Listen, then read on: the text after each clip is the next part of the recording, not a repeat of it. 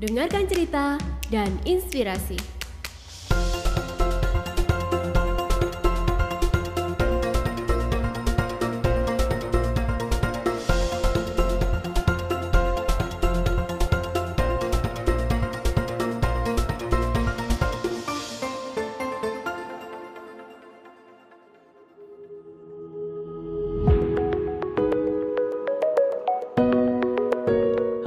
Datang para pendengar, kita ada di Dengarkan Inspirasi.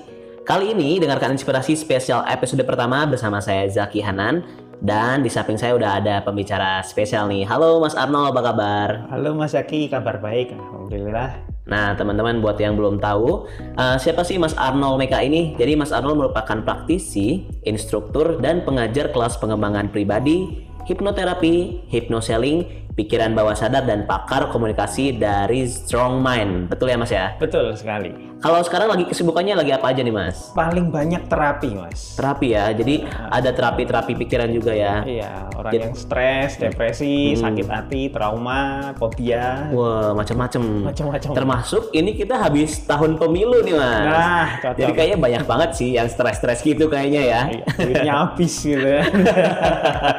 Baik para pendukungnya, calon-calonnya kayaknya harus banyak konsultasi nih kayaknya nih Iya, atau terapi betul ya. sekali. Oke, Mas Arnold, eh, orangnya dari asli Solo ya? Kalau saya asli Surabaya sebenarnya. Asli Surabaya. Sekarang menetap di Solo. Di Solo aja. Nah, karena merupakan praktisi atau instruktur kelas pengembangan pribadi yang hubungannya sama pikiran juga nih Mas, maka tema kita pada hari ini merupakan menjadi pribadi yang merdeka dengan kekuatan pikiran. Baik. Jadi kurang lebih kita akan membahas sedikit banyak tentang kekuatan pikiran nih Mas. Siap. Soalnya eh, mungkin belakangan ini banyak sekali nggak cuma dari orang tua, bahkan anak-anak muda juga banyak sekali yang menghadapi penyakit yang berhubungan dengan pikiran mereka sendiri. Jadi sebenarnya masalahnya nggak berat-berat amat sih mas, cuman kayak mereka kepikiran terus malah jadi stres sendiri. Termasuk ada istilah yang bilang katanya saya adalah apa yang saya pikirkan. Itu betul apa nggak mas? Nah, sebelum ke menjawab pertanyaan itu perlu kita ketahui dulu bahwa pikiran itu secara struktur ada dua. Yang pertama pikiran sadar dan yang kedua pikiran bawah sadar. Nah, kalau bawah sadar pasti sering dengar. Pikiran sadar itu apa? Pikiran sadar adalah satu jenis pikiran di mana kita menyadari apa yang kita lihat, dengar, dan rasakan. Sedangkan bawah sadar itu adalah bagian dari pikiran di mana kita jarang menyadari keberadaannya, tapi justru mengendalikan kehidupan kita. Ya, Nah, kalau banyak teori yang mengatakan bahwa kekuatan pikiran bawah sadar itu lebih kuat daripada pikiran sadar. Kalau nggak salah dari Sigmund Freud itu ya, itu bapak psikologi mengatakan bahwa pikiran bawah sadar itu porsinya 88%, sedangkan pikiran sadar cuma 12%. Kalau di sini saya genapkan aja pikiran bawah sadar itu 90%, sedangkan pikiran sadar cuma 10%. Banyak yang bertanya, loh kok justru bawah sadar yang lebih dominan gitu dibanding pikiran sadar. Ya kita lihat aja eh, contoh orang yang kecanduan mungkin kecanduan narkoba. Kecanduan narkoba orang yang kecanduan narkoba itu kalau ditanya narkoba itu bahaya apa enggak dia bisa jawab mas. Narkoba itu bahaya. Itu kan pikiran sadar tapi. Tapi karena bawah sadarnya sudah kecanduan, akhirnya dia tetap mengkonsumsi narkoba. Atau ini ada kasus di mana harga sepatu, ini kalau dalam selling ya atau dunia, dunia jual beli, ada sepatu harga 200.000 tidak laku. Tapi begitu label harganya diganti 400.000 diskon 50% itu justru laku. Nah, itu karena apa? Pikiran bawah sadar yang di apa yang disasar atau yang ditarget eh, kata-kata itu sangat disukai oleh bawah sadar. Nah, mengenai pertanyaan saya apa adalah apa yang saya pikirkan, maksudnya yang pikirkan di sini adalah yang dipikirkan bawah sadar, Mas. Jadi misalnya gini, dari kecil dia bawah sadarnya di di apa diprogram oleh lingkungan atau keluarganya bahwa dia adalah orang yang percaya diri, orang hebat, maka dia gedenya juga kemungkinan besar jadi orang yang hebat. Kebalikannya kalau lingkungan sama keluarga itu memposisikan dia itu anak yang minder, anak yang nun sewu bodoh gitu ya, maka dia akan tumbuh penuh dengan masalah. Jadi pikiran pun eh, punya efek dari lingkungan ya. Iya. Berda- jadi efek dari lingkungan itu masuk ke alam bawah sadar. Iya. Seperti kalau saya pernah dengar ada teori batu es ya itu ya. Jadi kalau kan kalau batu es itu atasnya terlihat sedikit, sementara sebenarnya gunung es itu ke bawahnya malah lebih besar ya. Lebih Begitu- besar. Begitu juga dengan pikiran kita, begitu ya. Iya. Nah, cara melatihnya ada nggak sih mas kalau alam bawah sadar ini? Secara melatihnya itu sebenarnya banyak. Salah satunya yang paling sederhana itu dengan kita meditasi. Hmm. Meditasi menenangkan diri gitu kan. Terus tidak banyak membuat penyangkalan. Jadi misalnya gini, penyangkalan itu. Kita lagi marah nih ya. Kita lagi sedih, kita lagi marah. Tapi kita sering ngomong sama orang, enggak kok, aku enggak marah kok. Nah, itu adalah penyangkalan dari pribadi diri sendiri. Kayak membohongi diri sendiri. Nah, itu sebaiknya dihindari. Karena apa? Itu nanti akan membuat pikiran sadar dan bawah sadar crash terus. Pikiran sadar ngomong aku nggak marah kok, tapi bawah sadar enggak kamu marah gitu. Dan lain sebagainya. Jadi pikiran kita sendiri pun bisa berbenturan satu sama lain. Ketika kita bilang ah aku nggak marah sebenarnya nih, tapi sebenarnya sedang marah. Satu pribadi, dua yang sedang ini ya ber- apa beradu gitu ya. Iya. Berarti teori yang mengatakan bahwa saya adalah yang saya pikirkan itu benar dan itu adalah pikiran bawah sadar ya mas ya. Sadar tepatnya. Oke, dan kita lanjut soal tentang pikiran nih. Banyak orang juga merasakan sakit pikiran atau kita bisa bilang depresi lah, stres lah. Itu karena datang dari diri sendiri, Mas ya. Itu biasanya orang yang datang dari diri sendiri itu diawali dengan kondisi cemas nih. Menurut Mas Arnold sendiri nih, apa sih bahayanya rasa cemas? Nah, jadi badan dan pikiran itu kan sebenarnya satu ya. Ketika pikiran kita sehat, badan kita juga sehat. Dalam raga yang sehat terbawa pikiran yang sehat juga. Ya, saya lupa itu ya pokoknya. ya. Nah, itu dia. Itu benar adanya. Jadi ketika kita itu cemas, otak kita akan memproduksi kortisol. Kortisol itu hormon stres, hormon yang membuat uh, loyo, terus cemas, khawatir dan lain sebagainya. Nah, hormon ini juga akan membuat daya tahan tubuh berkurang. Terus mau kerja ngapain loyo gitu, badan terasa berat banget. Dan Jadi jangan dibawa terus-terusan ya sebetulnya. Malah cemas ini mungkin sebenarnya jadi obati lah gitu loh. Iya, betul. Jangan terlalu sedikit sering cemas ya. Nah, Dale Carnegie itu seorang pakar pengembangan diri, itu pernah dalam bukunya dia menjelaskan bahwa 70% orang yang sakit itu sebenarnya bisa menyembuhkan dirinya sendiri. Tidak perlu dia ke dokter, ke rumah sakit, berobat medis itu nggak perlu. Dan itu ada benarnya. Ket- Ketika orang itu cemasnya hilang, cemasnya apa namanya bisa diobati cemasnya sampai ke akar-akarnya itu sehat. Nah, ciri cemas itu yang sering terjadi tapi nggak disadari itu sakit mah, yakni eh, asam lambung. Ketika kita punya asam lambung itu hampir dipastikan kita itu sebenarnya punya kecemasan. Kecemasan, stres atau penyakit pikiran yang lain.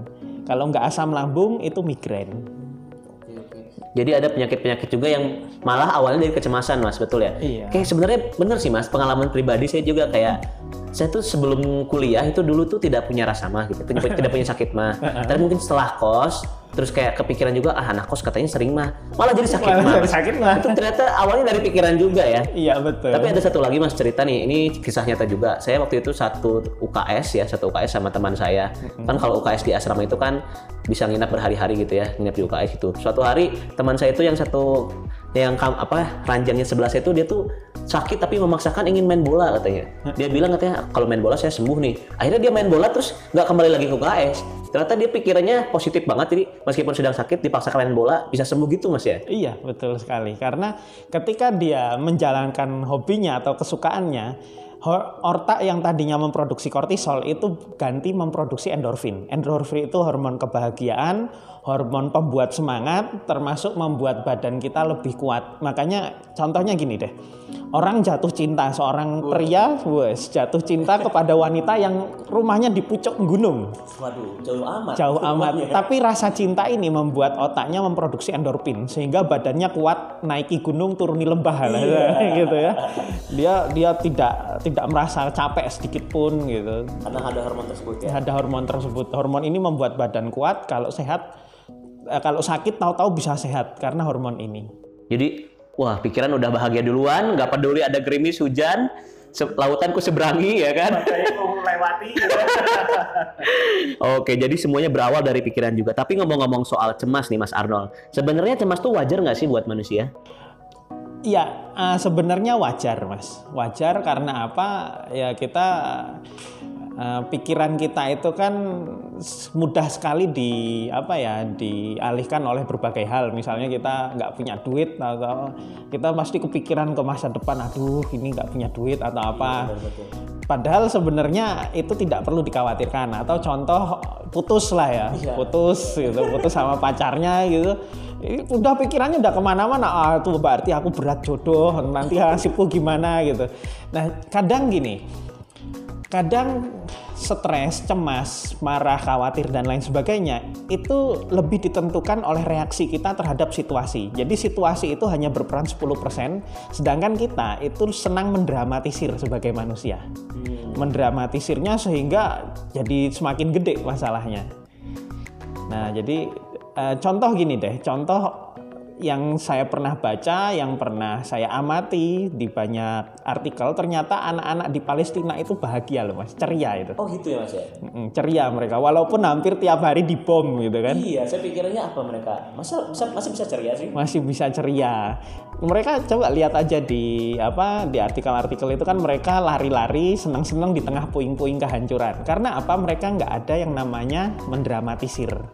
Mereka nggak ada yang namanya memelo-melokan gitu kan. Pokoknya itu ya udah memang ketika dibom mereka takut lari, tapi begitu itu ya udah selesai. Nah itulah yang orang yang bahagia benar tuh yang kayak gitu mas. Iya. Jadi lepas dari kecemasan, lepas dari lepas dari kekhawatiran. Betul banget sih, apalagi mendengar kata drama yang tadi kata Mas Arnold bilang, kayaknya itu problematika anak zaman sekarang ya. Jadi didramatisir gitu. Orang ada gebetan baru bilang halo selamat pagi, wah udah senang banget tuh ya. Taunya pas dia udah nggak balas lagi cuma dirit doang, waduh sakit hatinya. I- itu sebenarnya hanya ada di pikiran kita, ekspektasi ya bener ya. Tapi mungkin semua orang juga pernah mengalami rasa cemas atau rasa khawatir. Nah, apa sih yang harusnya dilakukan ketika kita sedang khawatir atau cemas? Nah, yang perlu yang perlu kita khawatirkan yang paling sederhana adalah kunci pikiran dan perasaan kita di saat ini. Jadi kita sadari betul saat ini tuh kita eh, hal keberuntungan apa yang kita dapatkan. Misalnya gini deh, nafas saja. Kita amati betul nafas itu satu tarikannya aja sebenarnya mahal banget, Mas. Eh, orang kita lihat orang di rumah sakit itu mau bernafas saja bayar gitu kan. Kita amati saat ini itu banyak sekali hal yang patut kita syukuri. Mungkin kita amati jempol kita, jempol kita bisa gerak, bisa muter gitu kan. Kita bayangin ini berapa harganya bisa kayak gini, bisa miliaran bahkan kan. Terus apa rambut kita, itu rambut kita bisa tumbuh, kita bisa ngelihat dan lain sebagainya. Pokoknya amat ketika kita di apa diterjang kecemasan, kita amati diri kita. Kira- Kira-kira keapesan kita, kesialan kita itu kalau dibandingkan dengan anugerah yang kita peroleh saat ini itu berapa nilainya? Ternyata nggak ada apa-apanya. Iya, betul sekali. Jadi intinya mungkin lebih banyak bersyukur daripada mengeluh ya. Betul. Semuanya berawal dari pikiran kita sendiri.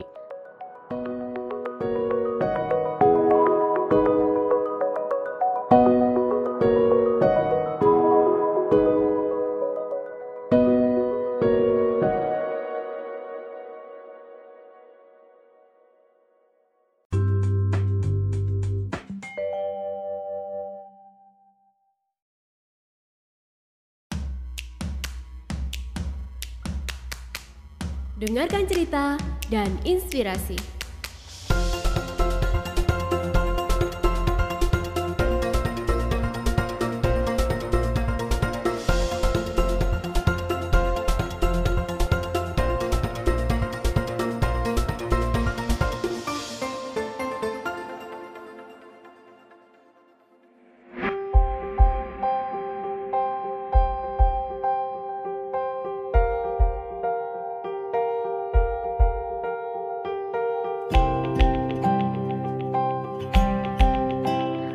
Kita agak sedikit nyambung tentang problematika anak muda zaman sekarang nih. Tadi Mas Arnold sempat memberikan contoh katanya kalau misalnya kita baru putus, kita sebenarnya tidak apa-apa, cuman kita lebih mendramatisir apa yang terjadi setelah itu. Kayak misalnya, wah aku kayaknya nggak bisa dapat pacar lagi nih, atau aku nggak bisa move on nih dari cewek ini.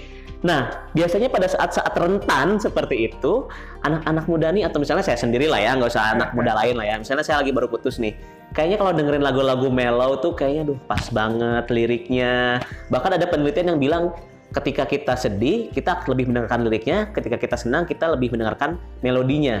Itu mungkin uh, sebuah penelitian yang mungkin masuk akal juga ya, apalagi buat teman-teman yang sering galau di rumah. Itu bener nggak sih mas kalau misalnya musik mellow itu didengarkan berbahaya apa tidak sih sebenarnya buat kita? Konteks tertentu bahaya sekali mas. Oh iya. Jadi contoh uh, pernah nggak kita mengamati beberapa musisi itu kehidupannya itu dibentuk dari lagu yang dia nyanyikan. Misalnya gini deh, yang nyanyi jangan pilih aku itu siapa Syahrini ya. ya. Akhirnya dia nggak dipilih sama si Anang untuk jadi istrinya. Atau ini lagu Jatuh Bangun, itu, bangun. itu kan Jatuh Bangun bener. Ya, ya, ya. Terus Betaria Sonata itu pernah nyanyi gini, pulangkan saja aku pada ibumu. Dia yeah. dipulangkan bener sama yeah. si iya. suaminya. ya, uh, bahkan uh, ini nggak memuji Orde Baru atau apa ya. Orde Baru itu melarang lagu-lagu Betaria Sonata pernah itu karena apa liriknya galau dan itu bisa merusak dalam konteks tertentu. Jadi perlu kita ketahui sebenarnya badan kita ada dua mas. Ya ini badan seluler, ini badan fisik kita. Dan yang kedua badan bioplasmik. Badan bioplasmik ini nggak kelihatan Sebenarnya ini ada hubungannya dengan yang pertama tadi ya, kita adalah apa yang kita pikiran. Jadi misalnya uh, tubuh bioplasmik itu apa? Misalnya kita lagi bad mood. Tubuh bioplasmik kita ini yang tidak kelihatan atau orang bilang aura, itu akan mengirimkan sinyal ke alam semesta bahwa kita sedang bad mood. Lah alam semesta nanti akan mengirimkan realita-realita yang membuat kita tambah bad mood apa hubungannya dengan musik melo? Ketika kita itu lagi galau, lagi cemas, stres atau apa pun, kita dengerin melo kan kita menikmati kesetresan kita. Kita menikmati kegalauan kita. Lah itu justru akan membuat tubuh bioplasmik kita mengirim sinyal semakin kuat bahwa kita sedang menderita. Kita senang menderita itu. Kita senang menderita akhirnya realita kita semakin menderita, kita semakin terpuruk gitu. Jadi kalau lagi apa namanya lagi galau itu mending dengerin lagu-lagu semangat kayak Garuda Pancasila kayak atau Indonesia Raya itu kan seneng itu. Malah semakin nasionalis. nasionalis gitu kan. Cinta negara ya. Tapi lagu-lagu melo ini kan terhitungnya sangat laris mas ya. Maksudnya sangat banyak didengarkan. Ada orang-orang yang malah berpikir ketika dia lagi galau dia harus kayak menumpahkan emosinya melalui lagu lagu-lagu melo. Bener nggak sih kalau itu? Nah konteks ini kurang tepat kurang karena tepat. karena dia akan menikmati kemeloannya itu. Hmm. Dan akibatnya dia ya semakin terpuruk juga. Harusnya malah lagu yang lebih semangat ya, agar tidak semakin membayangkan yang sudah-sudah. Ya. Jadi buat para pendengar nih yang suka galau-galau, yang baru aja diputusin mungkin sama pacar-pacarnya nggak boleh terus-terusan, nggak boleh dipikirin terus, apalagi sambil mendengarkan musik-musik melau karena cukup berbahaya ya. Nah, terus gini Mas, perlu dijelaskan juga saya bukan anti anu ya, anti lagu melo, saya juga penggemar Didi Kempot gitu kan ya. ya. Jadi saya itu oh, ya. kalau lagi seneng dengarkan itu nggak apa-apa karena kita menikmati nadanya enak gitu kan. Suaranya Didi Kempot itu juga khas. Saya juga dulu main band itu nyanyinya justru stasiun balapan Tirto Nadi itu saya mainnya dulu. karena memang asik. Tapi ketika kita lagi terpuruk ya kita dengerinnya yang lain gitu, yang buat bikin semangat gitu ya. Jadi tergantung momennya ya. Tergantung momennya. Karena uh, sadar tidak sadar musik juga mempengaruhi alam bawah sadar kita juga ya. Iya. Secara tidak langsung. Oke, jadi sekali lagi hati-hati terhadap musik melo. Boleh mendengarkan tapi pada saat momen yang tepat. Nah, kita juga kayaknya nyambung sih semuanya sih. Setelah kita bergalau-galau gitu ya, habis putus, kayaknya ada beberapa orang yang masih menyimpan apa istilahnya ya trauma mungkin ya nggak cuman tentang hubungan atau relationship, mungkin trauma itu bisa kayak misalnya pengalaman masa kecil, pernah dibully atau pernah diapain. Nah, salah satu pikiran atau misalnya penyakit pikiran yang sering dibicarakan oleh orang-orang adalah trauma. Sebenarnya trauma itu apa sih, Mas? Trauma itu adalah luka batin akibat satu kejadian atau seseorang yang sudah menyakiti dia dan luka batin ini bertahan sangat lama bahkan tidak hilang di bawah sadar. Jadi yang bisa mempengaruhi bawah sadar itu ada beberapa. Yang pertama adalah repetisi atau pengulangan. Ya, itu akan mempengaruhi bawah sadar kita. Contoh, kita awalnya naik sepeda motor atau naik kendaraan itu kan kalau masih di pikiran sadar, kita bingung mana gas, mana kopling, mana rem. Tapi ketika kita ulang-ulangi terus, maka keterampilan di pikiran sadar itu masuk bawah sadar. Nah kalau masuk bawah sadar, yang terjadi adalah otomatis, autopilot. Kita nggak perlu ngelihat mana gasnya, mana remnya, kita tinggal lihat jalannya dan mengarahkan motor itu. Yang pertama pengulangan, yang kedua adalah identifikasi dari nilai-nilai yang ditanamkan keluarga. Jadi uh, keluarga kita menanamkan apa saat kita kecil, lah itu akan mempengaruhi bawah sadar kita. Lalu yang ketiga adalah kejadian berkesan. Entah itu kejadian berkesan positif atau negatif. Nah, itu akan masuk ke bawah sadar dan e, terakses ke memori jangka panjang. Contohnya gini, ada seseorang yang dia itu kecelakaan. Waktu dia kecelakaan di puncak paniknya dia melihat seekor cicak. Sejak saat itu dia panik kalau melihat cicak. Nah, itu adalah kejadian berkesan yang negatif. Atau kejadian berkesan yang positif, misalnya jadian pertama kali itu pasti sangat terkenang. Makanya ada orang yang bilang cinta pertama itu adalah atau cinta monyet itu yang terindah gitu kan. Nah, nah karena apa? Itu cinta pertama, Mas. Itu cinta pertama berkesan sehingga masuk ke bawah sadar. Nah, trauma itu luka batin akibat ini akibat ya kejadian yang sangat berkesan dan tidak enak itu tadi. Misalnya waktu jatuh dia pakai baju hitam gitu kan. Akhirnya dia setelah itu dia ngelihat warna hitam tuh jadi takut. Atau identifikasi dari keluarga. Kalau dilompati kucing itu tandanya kita mau ciloko gitu kan, mau celaka. Akhirnya dia fobia sama kucing. Terus apa ya namanya? Ya banyak banget lah ya uh, kalau lihat ular itu tandanya apa gitu kan tahayul-tahayul yang di ya ada mitos-mitos juga yang masuk. Jadi uh, poin yang saya ambil pasti ada kejadian-kejadian dalam hidup kita yang membekas atau menempel di alam bawah sadar. Iya. bisa itu negatif dan juga bisa positif. Dan kalau misalnya itu dibiarkan jadi penyakit bisa jadi trauma ya mas ya? Iya. Nah terus ada satu istilah lagi mas Arnold nih ada kita sering mendengar trauma, tapi ada juga kita sering mendengar kata fobia nih. Itu sebenarnya berhubungan apa enggak mas trauma dan fobia ini? Hampir semua fobia itu tercipta dari trauma mas. Jadi fobia itu apa? Fobia itu ketakutan yang tidak wajar. Misalnya gini, saya atau kita semua takut sama ular itu wajar. Tapi bedanya takut sama fobia adalah fobia itu ketika kita membayangkan aja udah takut gitu. Nah itu maka dinamakan fobia. Misalnya saya membayangkan ular aja udah merinding itu fobia. Jadi fobia itu nggak perlu ketemu barangnya tapi kita udah takut duluan. Itu biasanya awalnya mulanya dari trauma. Trauma itu menciptakan fobia. Jadi ketakutan yang berlebihan ya fobia itu ya. Iya. Kadang-kadang ada juga yang misalnya fobia terhadap yang belum pernah dihadapi. Misalnya dia belum pernah ke tempat tinggi tapi dia fobia tempat tinggi itu bisa nggak mas kira-kira? Nah manusia itu lahir ke dunia itu cuma membawa dua ketakutan tinggi sama suara besar. Oh gitu. Nah, jadi cuma dua itu toh ketakutan yang alamiah dialami manusia di bawah sejak lahir. Nah selain ketakutan-ketakutan itu manusia itu menginstal Kasarane eh, takut tinggi dan suara besar itu ketakutan defaultnya manusia, sedangkan yang lain adalah diinstal. Jadi kita punya basic takut sama ketinggian ya. Iya. Tergantung kitanya akan menghadapi apa akan takut terus gitu ya. Nah, dilatih bisa untuk nggak takut. Mm -hmm. Jadi banyak juga nih mas, kalau misalnya yang terapi ke Mas Arnold ada nggak sih yang mengobati fobia gitu? Oh banyak mas. Banyak ya. Fobia pesawat, fobia dan yang paling lucu fobia ini karet gelang. Iya, geli juga ya.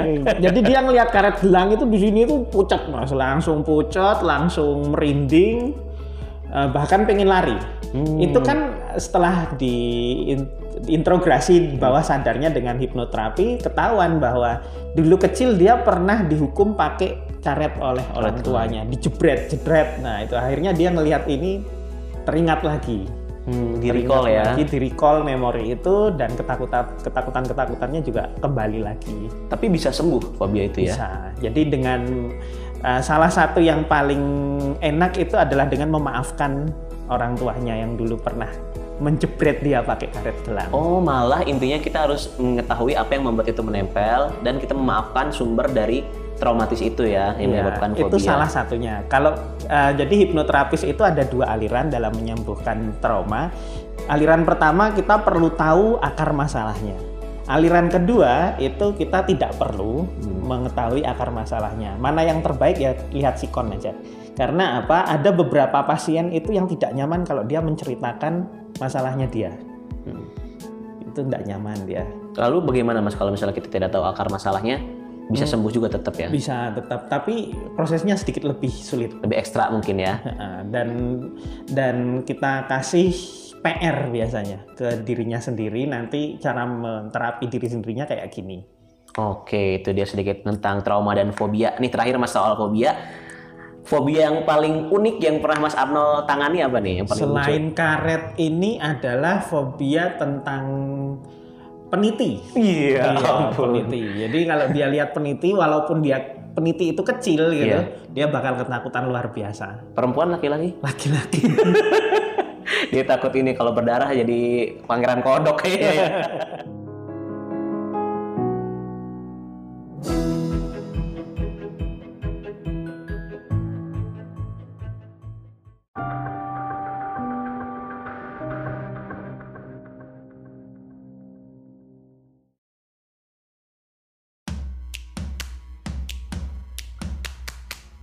Dengarkan cerita dan inspirasi.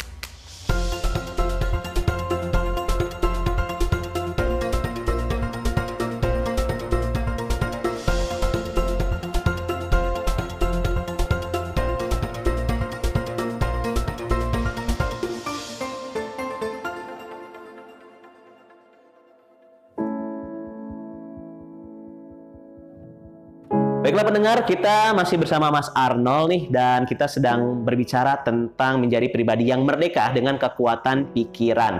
Nah, pikiran juga termasuk di dalamnya ada rasa kepercayaan diri atau percaya diri ya.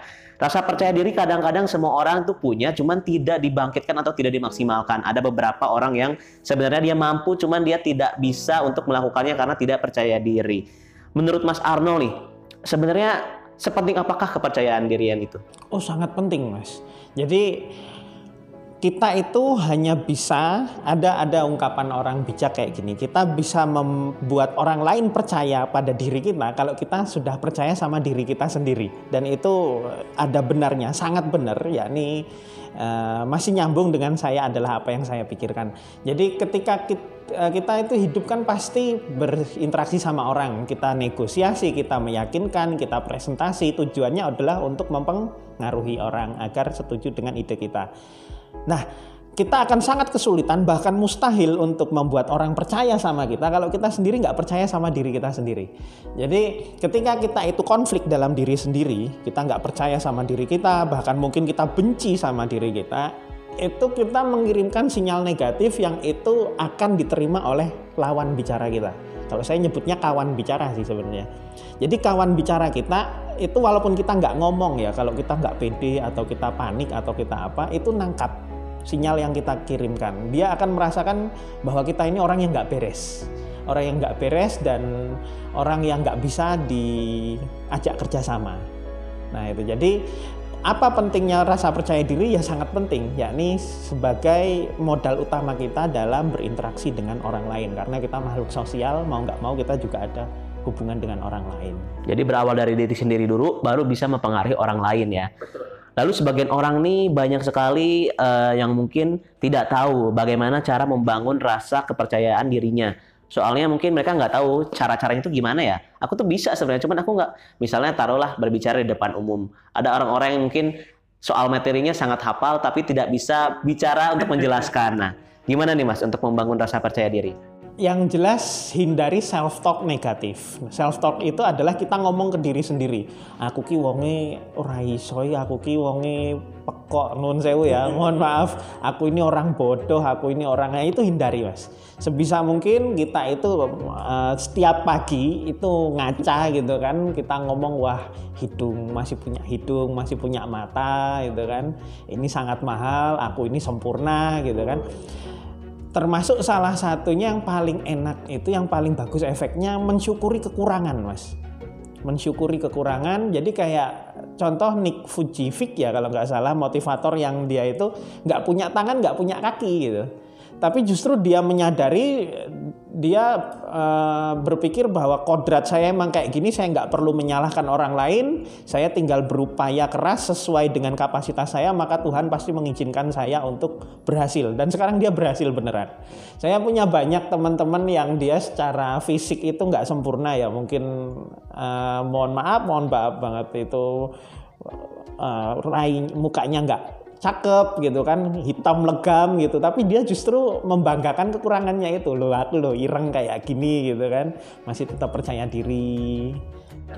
Jadi justru membuat kekurangan itu malah bisa menjadi kelebihan malah ya dengan cara mensyukurinya. Nah.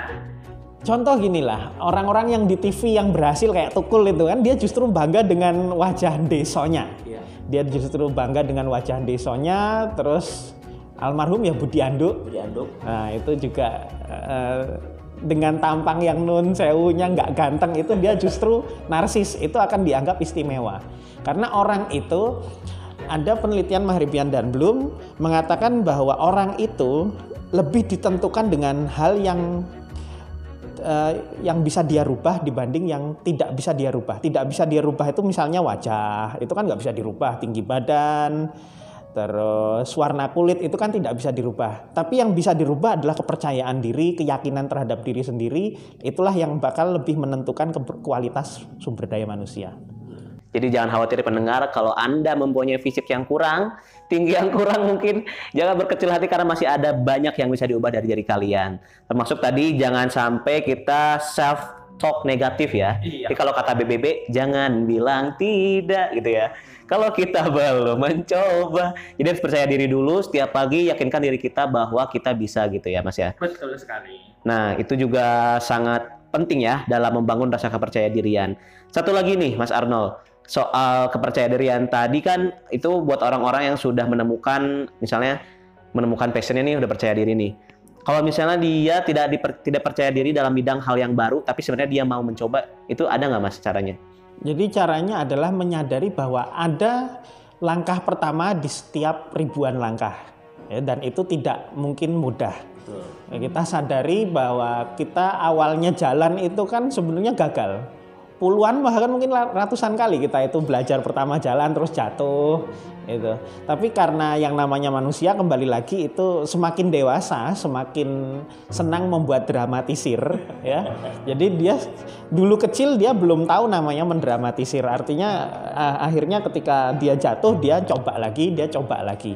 Ketika belajar naik sepeda dia jatuh, dia coba lagi walaupun sakit luar biasa, luka dan lain sebagainya, itu dia coba lagi karena apa? Belum mengenal mendramatisir.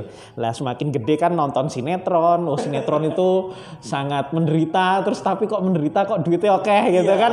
Artinya duitnya banyak, oh aku tak menderita aja gitu. Menderita aja. Nah, semakin gede, semakin banyak lagu melo, semakin banyak tontonan melo-melo gitu ya. Pengaruh Akhirnya, ya. oh sangat pengaruh mas sangat pengaruh. Akhirnya dia belajar mendramatisir. Semakin gede semakin banyak musik-musik melo semakin banyak dia juga belajar mendramatisir. Akhirnya ya itu tadi. Gagal dikit udah nangis galau dan lain sebagainya. Jangan mendramatisir dan juga jangan takut salah ya karena semuanya dimulai dari kesalahan-kesalahan untuk menjadi percaya diri. Berbincang soal kekuatan pikiran dan juga alam bawah sadar nih ada mungkin mungkin banyak ya dari kita yang mempunyai uh, istilahnya bukan sakit hati ya, kayak batin itu tidak tentram gitu, tidak damai. Ada nggak sih cara untuk kita menemukan kedamaian batin gitu? Kedamaian batin itu salah satu yang paling enak itu bersyukur, jelas ya. Karena dengan bersyukur itu kita mengirimkan sinyal ke alam semesta bahwa kita ini makhluk yang penuh keberuntungan. Akhirnya kita dapat keberuntungan-keberuntungan yang kita tidak duga. Itu. Nah kalau uh, mau cara yang lebih aplikatif lagi adalah sebenarnya dengan berderma, Mas. Berderma ya. Bersedekah kalau dalam bahasa Islamnya gitu kan. Jadi ada penelitian, saya lupa ini saya baca di buku apa, tapi ini penelitian ilmiah. Sekelompok anak muda ini diberi duit yang sangat banyak. Yang pertama harus mereka lakukan adalah bersenang-senang, dugem dan lain sebagainya. Percobaan kedua mereka disuruh untuk berderma, berbakti sosial. Ternyata setelah dibandingkan, disurvei lagi, kedua uh, sekelompok pemuda ini lebih merasakan kedamaian ketentraman dan kebahagiaan saat melakukan kegiatan-kegiatan sosial, berderma, bersedekah itu lebih membahagiakan. Karena mungkin ada sambungan juga ya ketika kita berbagi, kita mungkin dapat lebih mensyukuri apa yang kita punya. Betul, kita melihat apa namanya orang yang tidak seberuntung kita. Makanya ada beberapa orang bijak yang dia itu ketika dia merasa khawatir tentang kehidupan ini, dia merasa stres, dia pergi ke kuburan pergi ke kuburan dia melihat orang-orang sebanyak ini itu apa yang dia inginkan mereka inginkan. Padahal di kuburan itu kan banyak orang kaya ya. Kuburan-kuburan orang kaya ternyata banyak dari mereka yang sebenarnya masih pengen hidup sebenarnya. Masih pengen hidup berjumpa anak cucu gitu kan. Nah mereka bisa mensyukuri itu. Jadi untuk mendapatkan kedamaian batin sebenarnya rumusnya sangat sederhana bersyukur dan juga berbagi bersama sesama. Zaman sekarang ini kayaknya eksistensi ya penting banget nih buat sebagian orang. Di kita tuh harus kayak uh, lebih menarik daripada orang lain. Uh, sosial media dibuat untuk banyak-banyakan likes-nya atau komentarnya dan ingin dipuji. Sepertinya penting banget sih uh, untuk disukai orang lain. Sebenarnya kita tuh perlu nggak sih untuk disukai oleh orang lain atau semua orang misalnya gitu? Uh, sebenarnya perlu mas perlu apa untuk branding diri kita sendiri. Apalagi zaman sekarang kan ada sosial media ya, itu semakin meningkatkan apa cara mem memperbanyak teknik untuk agar kita disukai orang lain. Tapi yang perlu kita tampilkan di sini adalah kejujuran, Mas. Apakah kita benar apa yang seperti yang kita tampakkan? Karena kalau kalau ternyata kita itu tidak sesuai dengan apa yang kita tampakkan di sosial media, di media-media lain, itu sekalinya kena ya, kita ketahuan aslinya bakal cilaka sendiri. Kita tahu contoh seorang motivator beberapa waktu yang lalu ya dia dengan saya nggak sebut nama gitu kan, eh, dia sangat bagus dengan kata-katanya, dia terlihat sangat menyayangi keluarganya tapi ternyata ya itu dialah ada sesuatu. Ada sesuatu. Ya. jadi yang penting di sini adalah kejujuran dan integritas. Sangat baik membuat orang menyukai kita tapi kita juga harus jujur kepada diri sendiri dan orang lain ya. Ada nggak sih mas caranya untuk kayak membuat misalnya kan ada orang beberapa orang yang minderan dalam pergaulan dia tuh pengen disukai sama teman-temannya cuman dia nggak tahu caranya gimana agar teman-temannya menyukai dia gitu. Oke jadi orang itu kan menyukai kita itu ada banyak faktor ya. Salah satunya keramahan kita kalau kita murah senyum kita ramah kita suka menolong itu secara otomatis orang itu bakal suka sama kita jadi kita nggak perlu menolong seseorang agar kita disukai seseorang itu tapi kita banyak nolong orang lain jadi contoh contoh yang sering kami contohkan kepada peserta seminar adalah kalau misalnya ngasih duit ke tukang parkir kasih lebihin itu akan meningkatkan kualitas ini badan bioplasmik kita. Aura kita semakin menyenangkan gitu. Orang lihat kita itu udah senang duluan. Terus misalnya ada pedagang itu kita larisi gitu. Teman kita minta bantuan ya kita larisi. Termasuk ini Mas yang paling krusial itu jangan sering-sering minta harga teman. Nah, penting banget ini. Nah, ya. Jadi gini, justru harga teman itu harusnya lebih mahal. Nah, misalnya misalnya gini, kita jualan uh, ada teman kita jualan HP ya. Harganya dua setengah juta misalnya HP merek apa itu terserah. Dan ada toko sebelah jual lebih murah. Sebisa mungkin kita beli yang punya teman kita. Meskipun lebih mahal ya. Meskipun lebih mahal, apa gunanya? Apa maknanya seratus ribu dibanding ya, pertemanan? pertemanan gitu. Ini para freelancer langsung betul sekali, betul sekali. Seratus persen setuju ya, betul sekali sih mas. Kadang-kadang kalau kita udah menganggap temen, ayolah, masa saya bayar sih, ah nyebelin banget udah kayak gitu mas sebenarnya. Ya justru teman itu harusnya bayar mas. Betul banget. Nolong kan. gitu. Melarisi usaha temannya. Uh, larisi, terus kalau ada pedagang yang misalnya dia udah tua gitu, kita niatkan untuk bantu kita niatkan untuk bantu uh, ya berapalah gitu kan dan jangan suka nawar gitu kan kalau memang uh, kita ini kadang keliru gitu. Ke tempat mahal nongkrong di tempat mahal bayar semahal apa pun oke okay, kita jor-joran. Tapi begitu sama teman sendiri nawarnya kayak orang mau mati gitu. Ampun-ampunan ampun-ampunan. Nah itu hindari karena apa? Itu akan memperu, merusak apa ya? Merusak kualitas badan bioplasmik kita. Sebenarnya suka menawar, pelit gitu kan, pelit, suka menawar, nggak uh, suka berderma itu badan bioplasmik kita yang rusak sebenarnya. Ada ketika badan bioplasmik aura ini rusak, orang akan merasakan nggak nyaman kalau di dekat kita. Makanya kita akan sering ketemu orang itu belum kenal dia tapi rasanya udah nggak beres. Sebaliknya kita pernah juga pasti ketemu orang belum kenalan, belum sempat ngobrol tapi kita merasakan kehangatan. Oh iya orang kayak ada. Berarti aura tuh sebenarnya bisa dirasakan secara langsung atau tidak langsung ya. Iya, Kayak ini orangnya asik juga nih. Mungkin berarti auranya positif. Positif. Atau misalnya kita baru deketin kok jutek apa gimana. Wah kayaknya. Padahal dia tidak bisa, jadi ya. senyum, Mas. Iya, karena kita tidak tahu aja sebenarnya Mas ya mungkin ya. Iya, betul sekali. Nah, jadi em, bagaimana cara membuat orang menyukai kita juga salah satunya dengan cara meningkatkan aura positif dalam tubuh kita ya. Betul.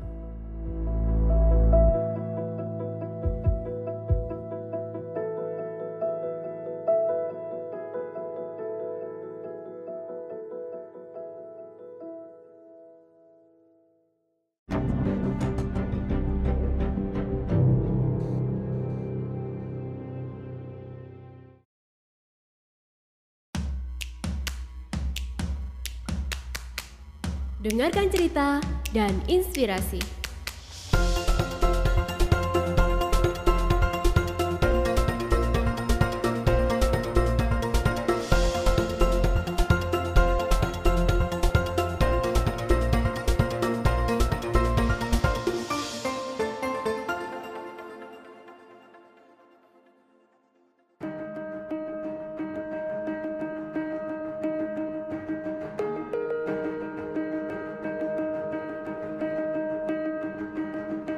Masih ngomongin soal kekuatan pikiran dan juga saya adalah apa yang saya pikirkan seperti yang di awal tadi.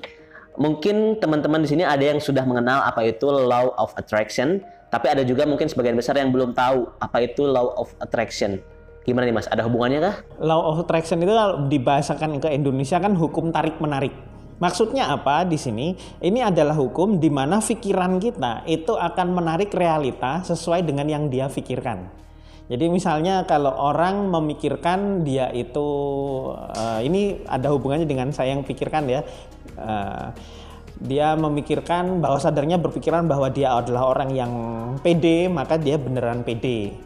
Nah, law of attraction ini adalah ada ada juga hubungannya sama tubuh bioplasmik tadi yang ketika kita memikirkan sesuatu kita mengirimkan sinyal ke alam semesta alam semesta akan membuat realita sesuai dengan apa yang kita pikirkan itu jadi misalnya kalau anda pingin pingin target anda tercapai bagaimana law of attraction-nya ya anda berdamai dengan apa yang mau Anda capai itu. Jadi misalnya sebagai sales pengen mencapai target penjualan 10 juta misalnya. Ya sering-sering bayangkan kita asik memegang target itu, mencapai target itu rasakan kenyamanannya, rasa bahagianya kalau itu tercapai dan itu akan membuat realita yang kita hadapi sesuai dengan yang kita inginkan. Itu law of attraction. Kalau bukunya banyak sih eh, yang saya rekomendasikan itu karangan RB Sentatu Sentano judulnya Quantum Ikhlas itu bagus banget jadi law of attraction tapi dengan local wisdom kearifan lokal itu dia mencontohkan ajaran-ajaran Indonesia yang mendukung uh, hukum ini jadi law of attraction ini mirip atau sejajar kayak hukum gravitasi karena ini sama-sama hukum alam. Artinya apa? Ini pasti terjadi kita yakini atau tidak yakini. Contoh ilmu gravitasi adalah kita menjatuhkan HP kita dari tangan, itu kan pasti tu- jatuh ke bumi. Dan ini sama pastinya itu dengan hukum tarik menarik pasti terjadi dan tidak ada meleset sama Dan sekali. itu ilmiah juga Dan ya. itu sangat ilmiah. Tadi saya sempat menggarisbawahi salah satu perkataan dari Mas Arnold yaitu berdamai dengan diri sendiri nih. Jadi seperti yang akan kita bahas juga nih. Berdamai dengan diri sendiri mungkin ada beberapa orang yang bingung maksudnya gimana nih emang saya lagi perang sama diri sendiri apa gimana nih tapi saya juga pribadi mengalami gitu loh ketika ada momen-momen di saat saya kayak membenci diri saya sendiri kayak ini bukan saya yang diharapkan oleh orang lain ada kalanya di suatu titik saya sangat jatuh sekali dan mulai berpikir bahwa kayaknya saya harus mulai berdamai dengan- dengan diri sendiri bahwa memang saya ini tempat kesalahan itu. Dari Mas Arnold mungkin ada sedikit sudut pandang tentang berdamai dengan diri sendiri. Kenapa tidak berdamai pada diri sendiri itu penyesalan masa lalu. Ya untuk kehidupan sehari-hari pasti kita sering kayak gini. Misalnya kita berdebat sama seseorang, setelah selesai debat kita pasti mikir kok tadi aku nggak ngomong ini ya, aku nggak ngomong kayak gini. Nah itu dihindari mas sikap kayak gitu. Jadi sikap kayak gitu mending dihindari yakni ketika kita timbul pikiran harusnya ngomong kayak gini langsung kita seri- langsung kita cut dengan kita ngomong apa yang tak omongin tadi adalah yang terbaik. Jadi hindari penyesalan ya. apa yang Hindari sudah terjadi ya itu yang terjadi. Itu yang apa yang terbaik sudah saya lakukan gitu ya. Nah, itu gitu. yang terbaik gitu. Itu yang terbaik. Dan biasanya eh, kan tadi tidak berdamai dengan diri sendiri itu biasanya terjadi karena ada perasaan-perasaan kenapa ya saya selalu gagal kayak banyak kegagalan yang datang secara bertubi-tubi di waktu yang berdekatan. Sebenarnya ada nggak sih penyebabnya ketika orang gagal tapi terus menerus? Kenapa nih saya selalu gagal gitu mas? Nah, itu lagi-lagi balik ke saya adalah apa yang saya pikirkan. Karena bisa jadi dia itu tertanam di bawah sadarnya bahwa dia memang orang gagal. Dia bukan orang yang beruntung, dia adalah orang yang selalu apes. Kalau memang ada program ini di bawah sadar, maka alam semesta akan menyajikan realita yang sesuai dengan pikiran itu tadi. Gagal terus. Mungkin pagi hari dia mau sarapan nggak ada makanan. Dia nyari sarapan naik motor motornya macet macet sudah beres motornya jalan tahu-tahu bannya kempes nggak ketemu tukang tambal ban dan seterusnya. Itu memang ada hubungannya dengan pikiran mas. Jadi cara ngeceknya adalah kita menyendiri di tempat yang sepi ya. Kita menyendiri di tempat yang sepi terus kita amati apa yang muncul di pikiran kita tanpa harus kita memikirkan. Kayak kita nonton TV loh ilmu ini namanya observe teknik ya ini teknik mengamati pikiran kita kita tenang apa sih yang muncul kalau yang muncul sial apes gak bahagia maka itulah yang akan jadi kenyataan Hmm, betul sekali. Jadi apa yang kita pikirkan sangat berpengaruh ya. Ini ada hubungannya nggak sih mas sama bad mood nih? Kayak sering banget nih orang-orang ya khususnya remaja yang bilang aku lagi bad mood nih. Jadi keseluruhan itu jadi buruk semua. Buruk semua. Oh jelas mas, sangat Jelas ya? ber- sangat apa? Sangat punya pengaruh, sangat ter- terkait. Jadi ketika kita bad mood, segera sadari kalau memang kita bad mood. Ya ini kita amati badan kita apakah berat, dada kita sumpek, perut kita kok kayaknya ada yang ganjel. Itu cepet-cepet kita sadari, terus kita cari tempat yang sepi untuk berdamai. Kita atur nafas, kita lemaskan badan gitu kan, rilekskan badan, kita akui dulu gitu kalau kita lagi bad mood. Jadi kita kalau sebisa mungkin sembuhkan bad mood kita ya. Jangan sampai sepanjang hari karena satu hari karena gagal sarapan doang bisa berkelanjutan ya kan? Karena tadi berkelanjutan pikirannya.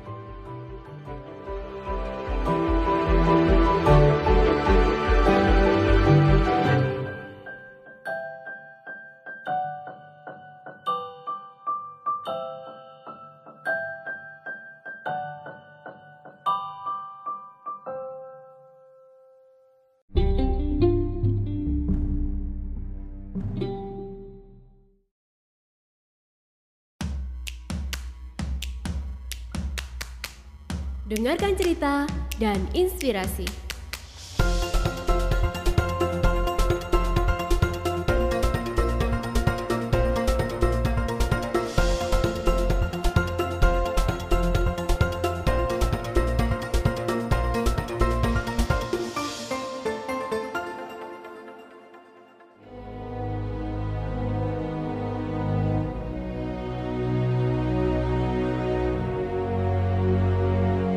Oke, kalau tadi kita sudah membicarakan tentang kedamaian batin. Kedamaian batin itu kan sudah di bisa ditemukan ketika kita sudah bersyukur atau sudah bersedekah atau berbagi ya. Nah, mungkin beberapa orang yang butuh kedamaian batin ini berawal dari luka batin. Luka batin itu mungkin luka yang tidak terlihat Mas ya, tidak terlihat oleh fisik, tidak berdarah.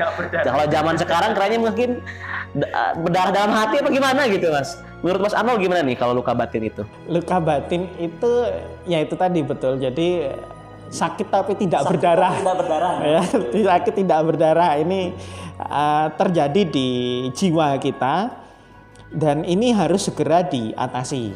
Jadi gini mas badan kita itu dengan pikiran itu ternyata jauh lebih kuat pikiran kita. Pikiran kita itu bisa menahan luka batin bahkan mungkin ribuan tahun tapi badan kita itu nggak kuat Makanya akibat luka batin ini bisa ke stroke, bisa ke darah tinggi, bisa ke mah, migrain dan lain sebagainya karena badan kita nggak kuat, tapi pikiran kita kuat. Nah, cara untuk mengatasinya yang paling simpel adalah dengan memaafkan orang-orang atau peristiwa yang pernah membuat kita terluka. Agak berat ya memaafkan. Wah, sebenarnya. sangat berat sekali, Mas. Ikhlas kan. Jadi ikhlas itu adalah ilmu yang paling sulit di di apa namanya diaplikasikan ya, diaplikasikan di dunia nyata itu sebenarnya sulit banget. Karena indikator kita sudah sembuh dari luka batin adalah kita mengenang orang atau peristiwa yang melukai kita, kita sudah enjoy. Itu kan sulit banget. Kita ngomong udah ikhlas, tapi pikir apa muka kita ketika kita mengingat kejadian itu aku udah ikhlas kok nggak ada apa-apa. Tapi jelas ini kelihatan marah gitu. Agak berbeda ya. Agak beda. Nah itu berarti belum ikhlas dia belum memaafkan. Dan memang mungkin betul sekali ya yang dikatakan bahwa aplikasinya sangat sulit untuk menjadi ikhlas gitu ya. Ya, Tapi salah satu caranya memang memaafkan mau tidak mau ya. mau tidak mau memang memaafkan. Jadi memang butuh pembimbing baik spirit pembimbing spiritual maupun seorang terapis untuk bisa menyembuhkan luka batin Betul. Jadi memang tidak sesederhana yang kita kira gitu kan banyak orang ketika ada temennya yang luka batin trauma udah ikhlasin aja. Enak banget ngomongnya. banget kalau kan nggak ngalamin gitu. Iya betul betul betul. Gitu. Nah salah satunya bisa ke Mas Arnold dong untuk Iya. terapinya ya kan. Karena memang itu hal yang penting ya zaman sekarang itu luka batin juga harus diobati. Salah satunya datang ke terapis. Terapis.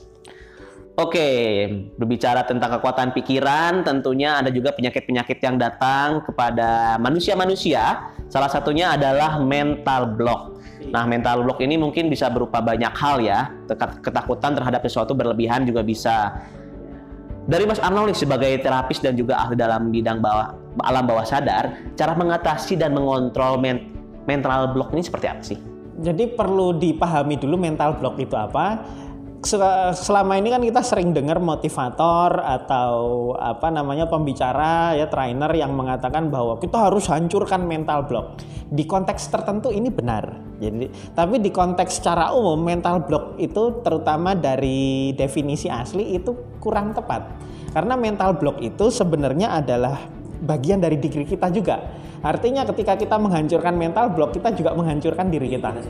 Mental block itu apa? Mental block adalah suatu program dari pikiran yang tujuannya sebenarnya baik, menyelamatkan diri kita dan itu menghalangi kita berbuat sesuatu. Misalnya gini, misalnya Mas Zaki, Mas Zaki mau nggak Mas copot celananya sekarang? Waduh, Waduh. sepertinya tidak mau. tidak mau gitu kan dan saya juga berharap tidak mau mas karena saya akan lari gitu kan Eh, itu mental takut block ya? mas. Iya, betul, betul. jadi bagian dari pikiran jenengan atau pikiran Mas Zaki yang menghalangi agar Mas Zaki tidak menuruti perintah saya.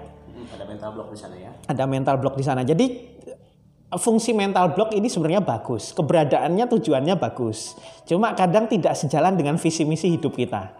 Misalnya gini ada orang yang dia pengen jadi pengusaha sukses.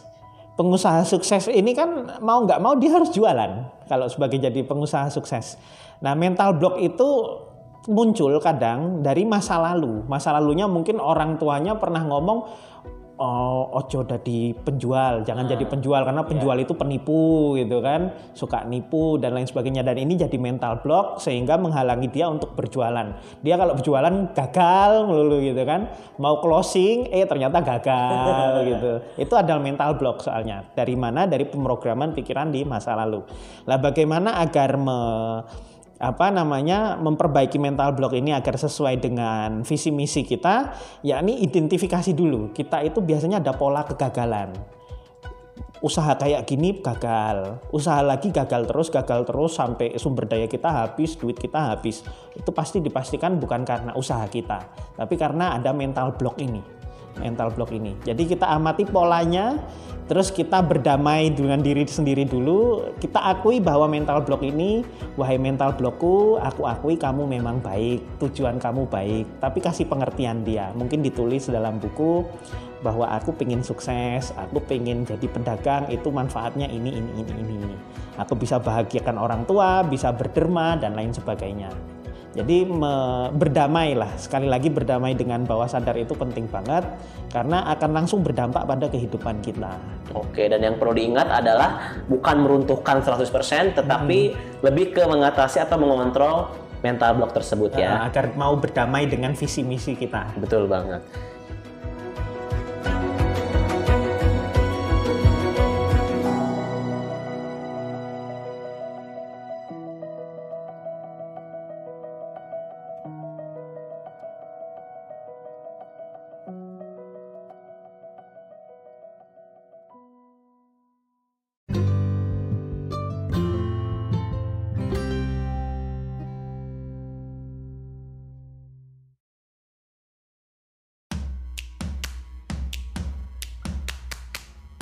Dengarkan cerita dan inspirasi.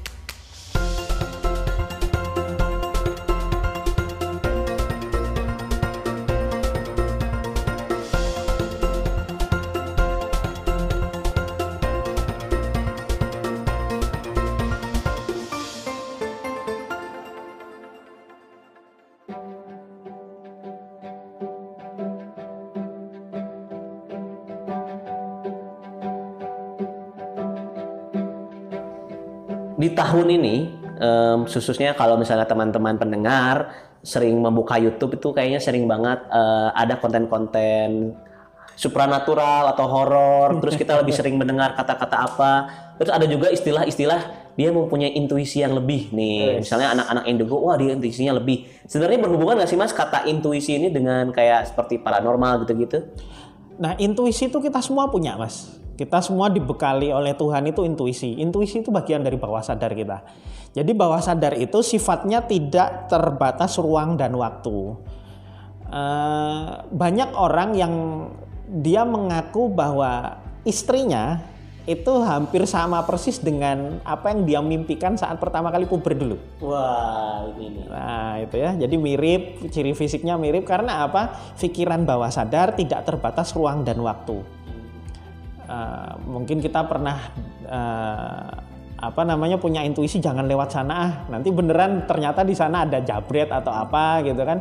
Atau kata hati misalnya ada dua calon gitu kan ada milih dua calon intuisi kita akan milih calon yang ini tapi sekali lagi intuisi itu berkaitan dengan kedamaian batin atau kedamaian diri kita kalau diri kita nggak damai sama diri kita sendiri itu intuisi kita juga sulit untuk keluar berarti intuisi itu lebih bisa kita samakan dengan kepekaan ya kepekaan kepekaan kepada sesuatu gitu ya.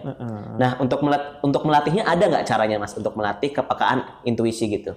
Untuk melatihnya ya itu tadi mas dengan mendama, berdamai dengan diri sendiri, nggak banyak konflik dalam diri gitu kan.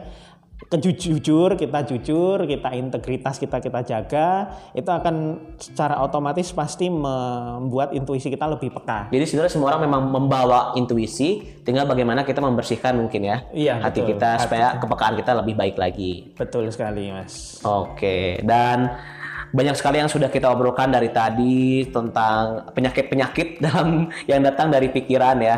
Dan ada juga yang sampai stuck nih. Kalau istilahnya zaman sekarang, aduh gue udah stuck nih misalnya kalau kata anak muda gitu ya. Stuck itu atau misalnya berjalan di tempat ada beberapa momen-momen yang mungkin ketika misalnya apa ya, ketika dalam pekerjaan dia harus membuat karya, tapi dia tidak ada inspirasi nih, aku udah stuck nih, aku udah ah nggak bisa nah gimana ya caranya nih buat eh, menemukan jalan keluar dari ke jalan di tempatan tersebut mas Nah, jadi pikiran kita itu kayak kolam, Mas. Kolam itu kalau airnya keruh kan ikannya nggak kelihatan. Nah, itu sama ketika pikiran kita kalut, kacau itu bagai kolam yang keruh sehingga keindahan ikan di dasarnya itu nggak kelihatan. Pikiran kita itu hebatnya itu sudah built in sama setiap masalah yang kita alami. Jadi apa pun masalah kita sebenarnya solusi itu sudah kita miliki. Tapi karena kita kalut, kita apa namanya cemas, khawatir, maka solusi itu kurang bisa maksimal kita rasakan. Contoh gini deh. Pernah nggak kita nonton sepak bola, terus kita maki-maki sama pemainnya? Wah, bego banget harusnya dia ngoper ke sana gitu kan. Tapi kenapa dia kok salah oper? Kita maki-maki gitu. Nah, ketika kita memaki-maki pemain sepak bola yang ada di TV, pada padahal kita nyadar nggak kalau pemain itu lebih hebat daripada kita. Tapi kenapa kok kita berani memaki-maki dia? Oh, ter- kok Inzaghi atau Del Piero atau Zidane atau siapa kok bego banget Nah, gitu kan? Padahal kita sendiri skillnya nggak Iya, sehebat betul itu. banget. Karena apa? Mereka di lapangan itu merasakan kebingungan dan kecemasan, sedangkan kita sebagai penonton kan kita nggak merasakan kecemasan itu. Nah, jadi kita bisa memaki-maki, kita kita nggak merasakan ketegangan di sana. Nah, sama ketika kita itu melepaskan semua ketegangan dari per- eh, dari diri kita, gitu kan, kita mudah banget untuk menemukan solusi permasalahan hidup. jadi harus membersihkan dulu baru kita tidak akan istilahnya stuck ya di jalan di tempat sebenarnya itu kembali lagi ke diri kita sendiri ya kalau kita misalnya udah lebih santai, mungkin men- menemukan solusinya juga dari kita sendiri sebenarnya kalau udah lebih santai. Itu. Ini mungkin agak bisa dibilang sedikit rangkuman ya dari percakapan kita dari tadi sampai sekarang tentang pikiran, kekuatan pikiran yang mungkin banyak juga jadi pertanyaan oleh orang-orang. Sebenarnya masa depanku tuh kayak gimana sih nanti? Apakah masa depanku tuh seperti yang aku pikirkan atau tidak nih? Jadi yang akan saya bahas adalah tentang masa depan. Menurut Mas Arnold gimana tentang masa depan seseorang? Ini uh, ada sebuah perkataan dari bukunya Pak Adi W. Gunawan, itu masa depan adalah masa lalu. Nah, awalnya sangat dirasakan, wah ini kalimat ngeri banget gitu kan, kok masa depan ada di masa lalu. Ada benernya juga sih. Jadi misalnya masa lalu seseorang ini di apa ya, dijudge oleh orang tuanya orang yang kurang pede, kurang pinter atau apa. Nah, itu akan jadi nilai yang dia percayai, jadi sistem dalam dirinya dia bahwa dia itu nggak pinter, nggak pede dan lain sebagainya. Tentu saja masa depannya kalau ini nggak dibereskan, akan tetap sama. Dia akan stuck, dia itu nggak pinter, nggak pede dan lain sebagainya.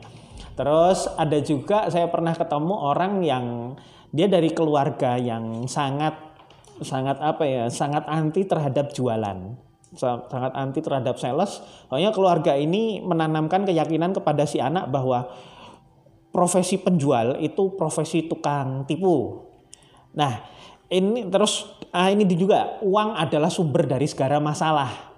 Akhirnya masa depannya dia dia kesulitan dapat duit karena apa nilai-nilai yang ditanamkan itu sangat membuat dia anti terhadap duit. Akhirnya dia gedenya susah secara finansial. Walaupun mungkin penghasilannya gede, tapi sekali lagi ini mengirimkan sinyal ke alam semesta bahwa kita susah finansial. Akhirnya walaupun penghasilannya gede, pengeluarannya juga jauh lebih gede.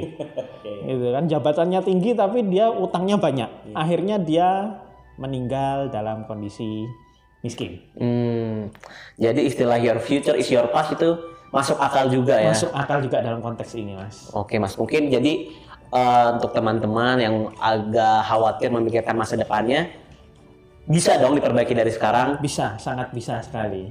Jadi semua apa pun itu sebenarnya nggak harus takut. Jangan dipikirkan dulu lah istilahnya ya. Apa yang akan terjadi itu adalah dari kita sendiri dampaknya. Oke, sangat menarik sekali. Istilah masa depanku adalah masa laluku. Nah, terima kasih Mas Arnold bincang-bincangnya soal kekuatan pikiran ya. Jadi menjadi pribadi yang merdeka dengan kekuatan pikiran itu bener banget sih. Jadi seseorang baru bisa memaksimalkan potensi dirinya ketika dia mempunyai pikiran yang kuat dan juga bisa terbuka. Bukan itu Mas Arnold ya. Betul. Mungkin ada sedikit apa ya konklusi dari Mas Arnold tentang bahasan kita? Nah, jadi pikiran itu ibaratnya nahkoda dalam suatu kapal ya. Ketika nahkoda ini beres, maka arah kapal juga akan bagus, akan sesuai dengan tujuan semula. Tapi kalau nah- nahkodanya ini udah nggak beres, dia sudah kompetensinya jelek, dia nggak pinter mengendalikan kapal, dia suka panik, maka tujuan itu akan sulit sekali dicapai. Iya, itu dia. Terima kasih banyak Mas Arnold. Semoga lancar terus pekerjaannya, profesinya yang banyak banget ini ya. Terima Tentunya buat yang ingin berkonsultasi bisa ke mana nih Mas kalau mau hubungi Mas Arnold nih? Nah, bisa di WA saya 081 329 5111191 itu paling banyak memang via WA. Kalau Facebook saya udah jarang sih aktif karena karena yaitu uh, waktu juga tapi kalau mau nge-add ya nggak apa-apa Arnold Lembut. Oke, dan terima kasih banyak sekali lagi Mas Arnold. Dan yang bisa saya tangkap, semua penyakit pasti ada obatnya, termasuk penyakit yang ada di pikiran kita. Iya, Jadi betul. terus berusaha menjadi pribadi yang lebih baik, pribadi yang merdeka, dan terus maksimalkan kekuatan pikiran kita. Terima kasih. Saya Zaki Hananda, didengarkan inspirasi. Terima kasih Mas Arnold. Sama-sama Mas Zaki.